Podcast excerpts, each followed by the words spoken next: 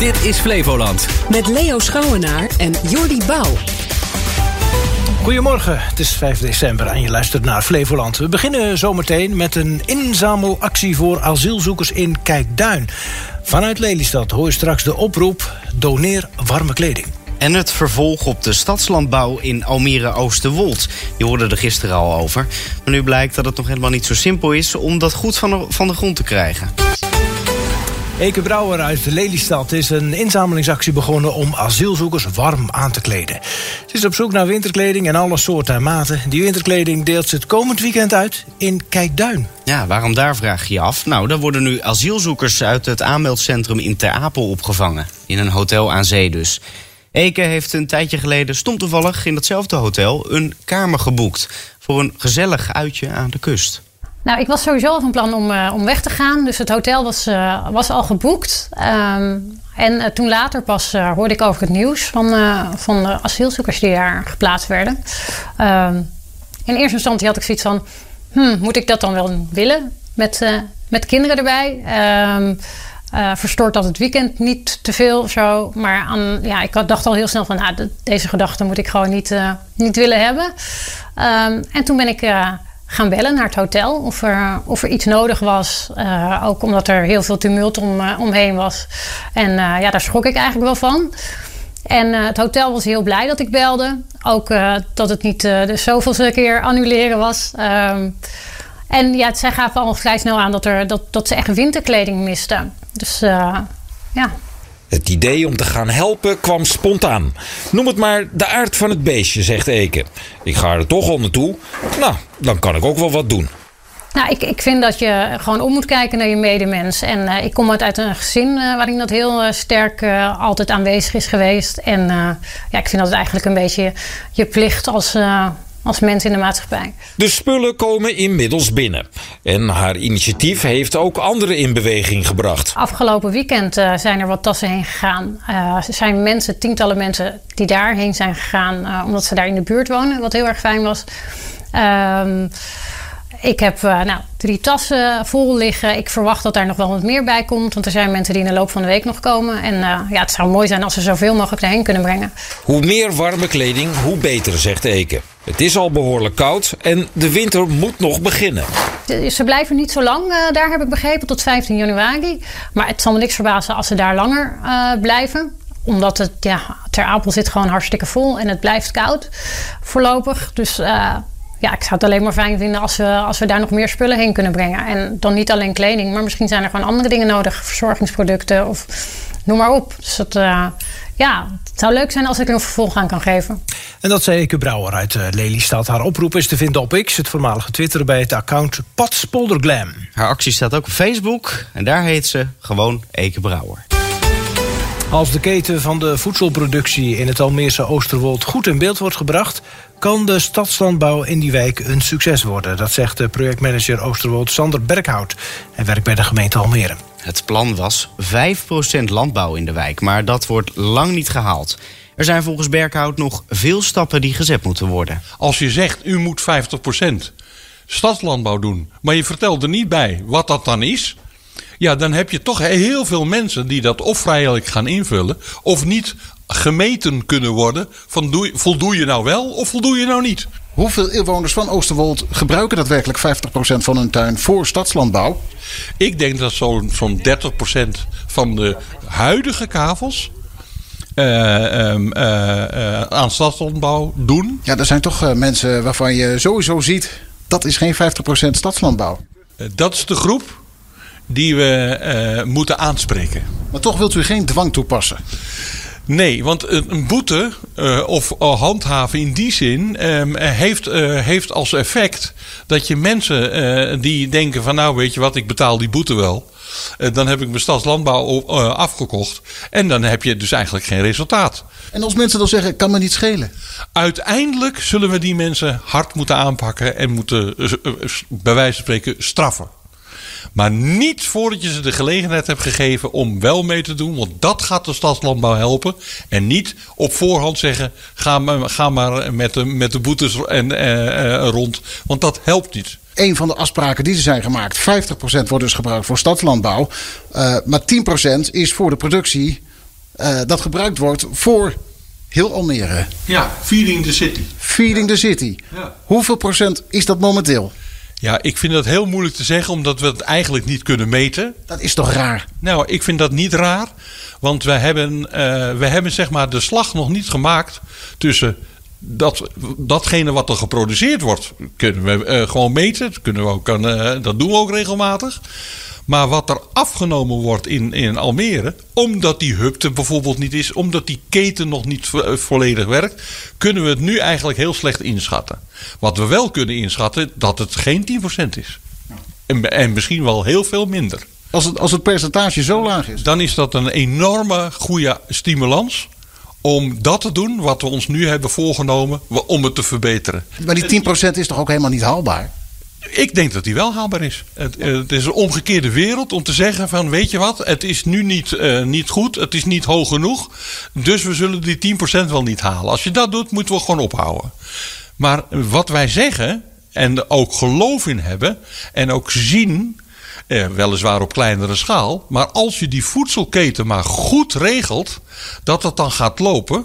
En dan kan je natuurlijk elke keer, elk stapje, je kan bij de voedselhub gaan meten, je kan bij de afnemers gaan meten. 10% moet geproduceerd worden voor Almere. U geeft aan, we hebben geen idee waar we op dit moment staan. Wat is de streefdatum? Wanneer weet de gemeente Almere dat wel? Eh, zodra wij die keten eh, in ieder geval een stap verder hebben gebracht, dan kunnen we na een jaar functioneren van die voedselhub heel duidelijk tellen eh, eh, waar we op dat moment zitten. Op welke datum, rond welke datum zitten we? Over een jaar. Dat zei Sander Berghout, hij is projectmanager Oosterwold Almere. Even kijken wat je gisteren hebt gemist op radio en tv. In Nieuwsuur was een reportage te zien over nieuwe wapens... die in de oorlog tegen Rusland worden gebruikt door Oekraïne. Zoals de drone die volgens deze militair specialist heeft voorkomen... dat de Russen de hoofdstad Kiev konden innemen. It's uh, one of the point why the Russian can't uh, occupy the Kiev in the beginning because we actually know about them everything and we destroyed them very fast and like uh, small groups because we're using the drones. Met de drones waren de Russische troepen makkelijk op te sporen en uit te schakelen. En dat zijn niet de enige nieuwe wapens die zijn ontwikkeld. De Oekraïners ontwikkelden een nieuwe grondradar... en bouwden motoren om tot gevechtsvoertuigen. En eh, dat is natuurlijk ook nog de zeedrone... waarmee diverse Russische schepen tot zinken zijn gebracht. Ze zijn heel effectief volgens Natalia Kushnarka... die deze projecten onder haar hoede heeft. We see that the future of the technologies, the future of the wars, and uh, uh, we see how um, effective they can be. We are the country without fleet, and with only naval drones, we just made uh, Russian ships totally evade In Haagse lobby ging het over de verkenningsfase van de kabinetsformatie. Verkenner Ronald Plasterk die praat in koppeltjes met de partijen. Onderzoeker parlementaire geschiedenis Alexander van Kessel heeft dat niet eerder gezien in de verkenning. Het is zeker zo dat dit uniek is in de verkennende fase. Dat, dat, dat dit soort gespreksvarianten nodig is om uh, tot een resultaat te kunnen komen. Uh, Plasterk heeft de eerste ronde gehad. Geïnventariseerd wat, wat de, hoe de kaarten ongeveer liggen. En nu moet hij het spel in beweging zien, zien te krijgen. En dat doet hij met deze koppeltjes. Het heeft iets weg van hoe Mariette Hamer de vorige keer in 2021 in een van haar lange informatiefases geprobeerd heeft om mensen bij elkaar te zetten die, eh, laat ik zeggen, tegengestelde opvattingen over bepaalde thema's had, maar waarvan toch het idee was van nou het is goed dat die eens met elkaar praten. Volgens Van, van Kessel is het nodig om te praten over een rechtskabinet. Het ligt wel erg voor de hand dat er toegewerkt wordt naar een poging om te beginnen te praten over dat rechtse kabinet. En ik denk heel eerlijk gezegd dat dat ook noodzakelijk is gezien de verkiezingsuitslag. Die poging, die serieuze poging moet ondernomen worden. En dan blijkt of die lukt of niet. En dan kan de volgende stap gezet maar, worden. Een biertje tappen. Dat is een makkie, zou je zeggen. Maar om het helemaal volgens de regels te doen, dat is andere koek. Gisteravond waren de voorrondes van het NK biertappen voor teams uit Noordoostpolder. Werd allemaal georganiseerd door de Landelijke Stichting Tapwedstrijden. Het gaat niet om de snelheid, het gaat om, uh, om vooral om hygiënisch werken, netjes werken. De tijd wordt, die wordt wel, mee, wel echt meeberekend door de jury, maar uh, het gaat vooral om hoe je tapt en of het de, de juiste bolling heeft op het biertje. Het kampioenschap biertappen. Het is geen wedstrijd welk café de meeste biertjes tapt, maar wel wie dat het beste doet. 13 teams uit verschillende plaatsen in Noordoostpolder deden gisteravond mee aan de voorronde van het NK Biertappen. Onder het toeziend oog van een vierkoppige jury die zowel bij het tappen van het bier als bij de presentatie alles goed in de gaten hield. Wij letten op uh, hoe ze aankomen lopen, of ze gastvrij eruit zien, of ze gekleed zijn, of ze bedrijfskleding aan hebben. Maar tevens ook natuurlijk hoe ze de filtjes neerleggen, of ze het of ze met droge handen komen. En daarna hoe ze hem inzetten, of het logo goed naar voren staat, of ze het ook nog een vrolijke glimlach doen. Dat is het ook echt, en liefst ook nog gemeend. En daarna, heel wat. Ja, ja, heel veel. En daarna gaan we kijken naar de hoogte van het schuim. En naar of ze gelijk zijn. Dus allebei de glazen even hoog zijn. Twee aan twee mochten de teams hun kunsten laten zien in het achterhuis op Urk. Zoals Mariska Stam van het Voorhuis Emmeloord. Wij willen altijd uh, heel graag meedoen aan de wedstrijd. In verband met uh, om, het toch goed, om goed te oefenen onder het personeel. Maar ook om het juiste biertje te kunnen tappen naar de juiste gasten die bij ons komen in het restaurant. En ook Dennis Goosens was weer van de partij. Van het team Restaurant Schokland. Het is beleving wat wij doen met ons vak. Dus je gastvrijheid is echt uiteindelijk misschien nog wel doorslaggevend ook. Alle 13 teams zetten hun beste beentje voor. Maar volgens Mariska maakt het team van Dennis goede kans. Die zijn ook het hele jaar door bezig met oefenen. Wij niet helemaal, maar we gaan op goed geluk gaan we meedoen. Dan zien we het wel. Opvallend is dat op alle tafels van de deelnemers glazen bier staan. Maar of je nou beter bier kan tappen met een biertje op of niet? Voor je gevoel gaat dat makkelijker, maar in de praktijk, uh, kwalitatief, uh, komt het het niet te goede. Eigenlijk doen wij gewoon mee voor de lol en voor het bedrijf te vertegenwoordigen. Dat is het belangrijkste. We hebben gewoon een hoop plezier. We zijn met, doen met z'n zessen mee. Oh, ik, uh, ik moet tappen. Is zover? Ja, het is zover. Dankjewel. En ja hoor, het team van Dennis Goossens van restaurant Schokland won. En doet dus op 11 januari in Amsterdam mee aan het NK Biertappen. Hulpdiensten die hadden het moeilijk om bij het dodelijk ongeluk op de A1 bij knooppunt Hoevelaken te komen. Bij het ongeluk met een spookrijder kwamen drie mensen om het leven. De brandweerwagen uit Voorthuizen kon nauwelijks door een file heen komen. En daar hebben ze een filmpje van gemaakt. Is daar rechts maar ietsjes? Ja, ja, dat lost niks op. Ja, die ertussen. Ja, die berm heen. Nee, niet door die berm. Moet wij uh, vooruit lopen en misschien red? Ja.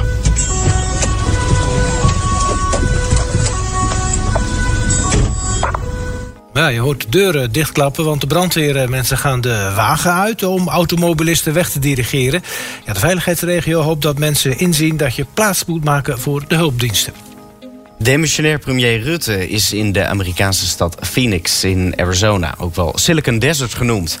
Hij is op handelsmissie daar. En correspondent Rudy Bauma die was er ook en die vroeg waarom Rutte juist daar rondloopt. Dat dacht ik eerlijk gezegd ook toen het voorstel kwam een tijd geleden. Maar als je er dan induikt, dan zie je dat hier een enorme ontwikkeling plaatsvindt op het gebied van moderne technologie, chipstechnologie. Uh, ja, en daar kunnen wij als Nederland-Vlaanderen met Phoenix, Arizona ongelooflijk goed samenwerken. President Biden heeft meer dan 50 miljard dollar gereserveerd om in die sector te investeren. En daar kan Nederland dan van profiteren. Loopt dit jaar al vroeg storm bij de kerstboomverkopers. Ik zag het ook zondag. Ja, ik was niet de enige die een boompje stond uit te zoeken. Jij hebt een echte? Ja. Ik ben voor kunst gegaan dit jaar. Vinden de mensen gezellig? Luister maar. Het verkoop gaat heel goed. Is beter dan verwacht zo voor Sinterklaas nog. Heel druk weekend gehad. Kijk, prachtig. Wij gingen vast de kerstboom halen. Wij konden niet meer wachten. En nou met die sneeuw is het natuurlijk super gezellig.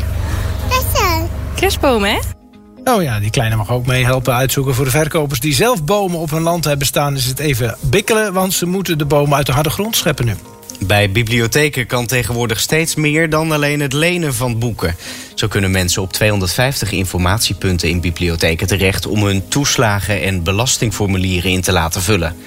En als het aan staatssecretaris Aukje de Vries van Financiën ligt... moet dat binnenkort op 450 plaatsen kunnen.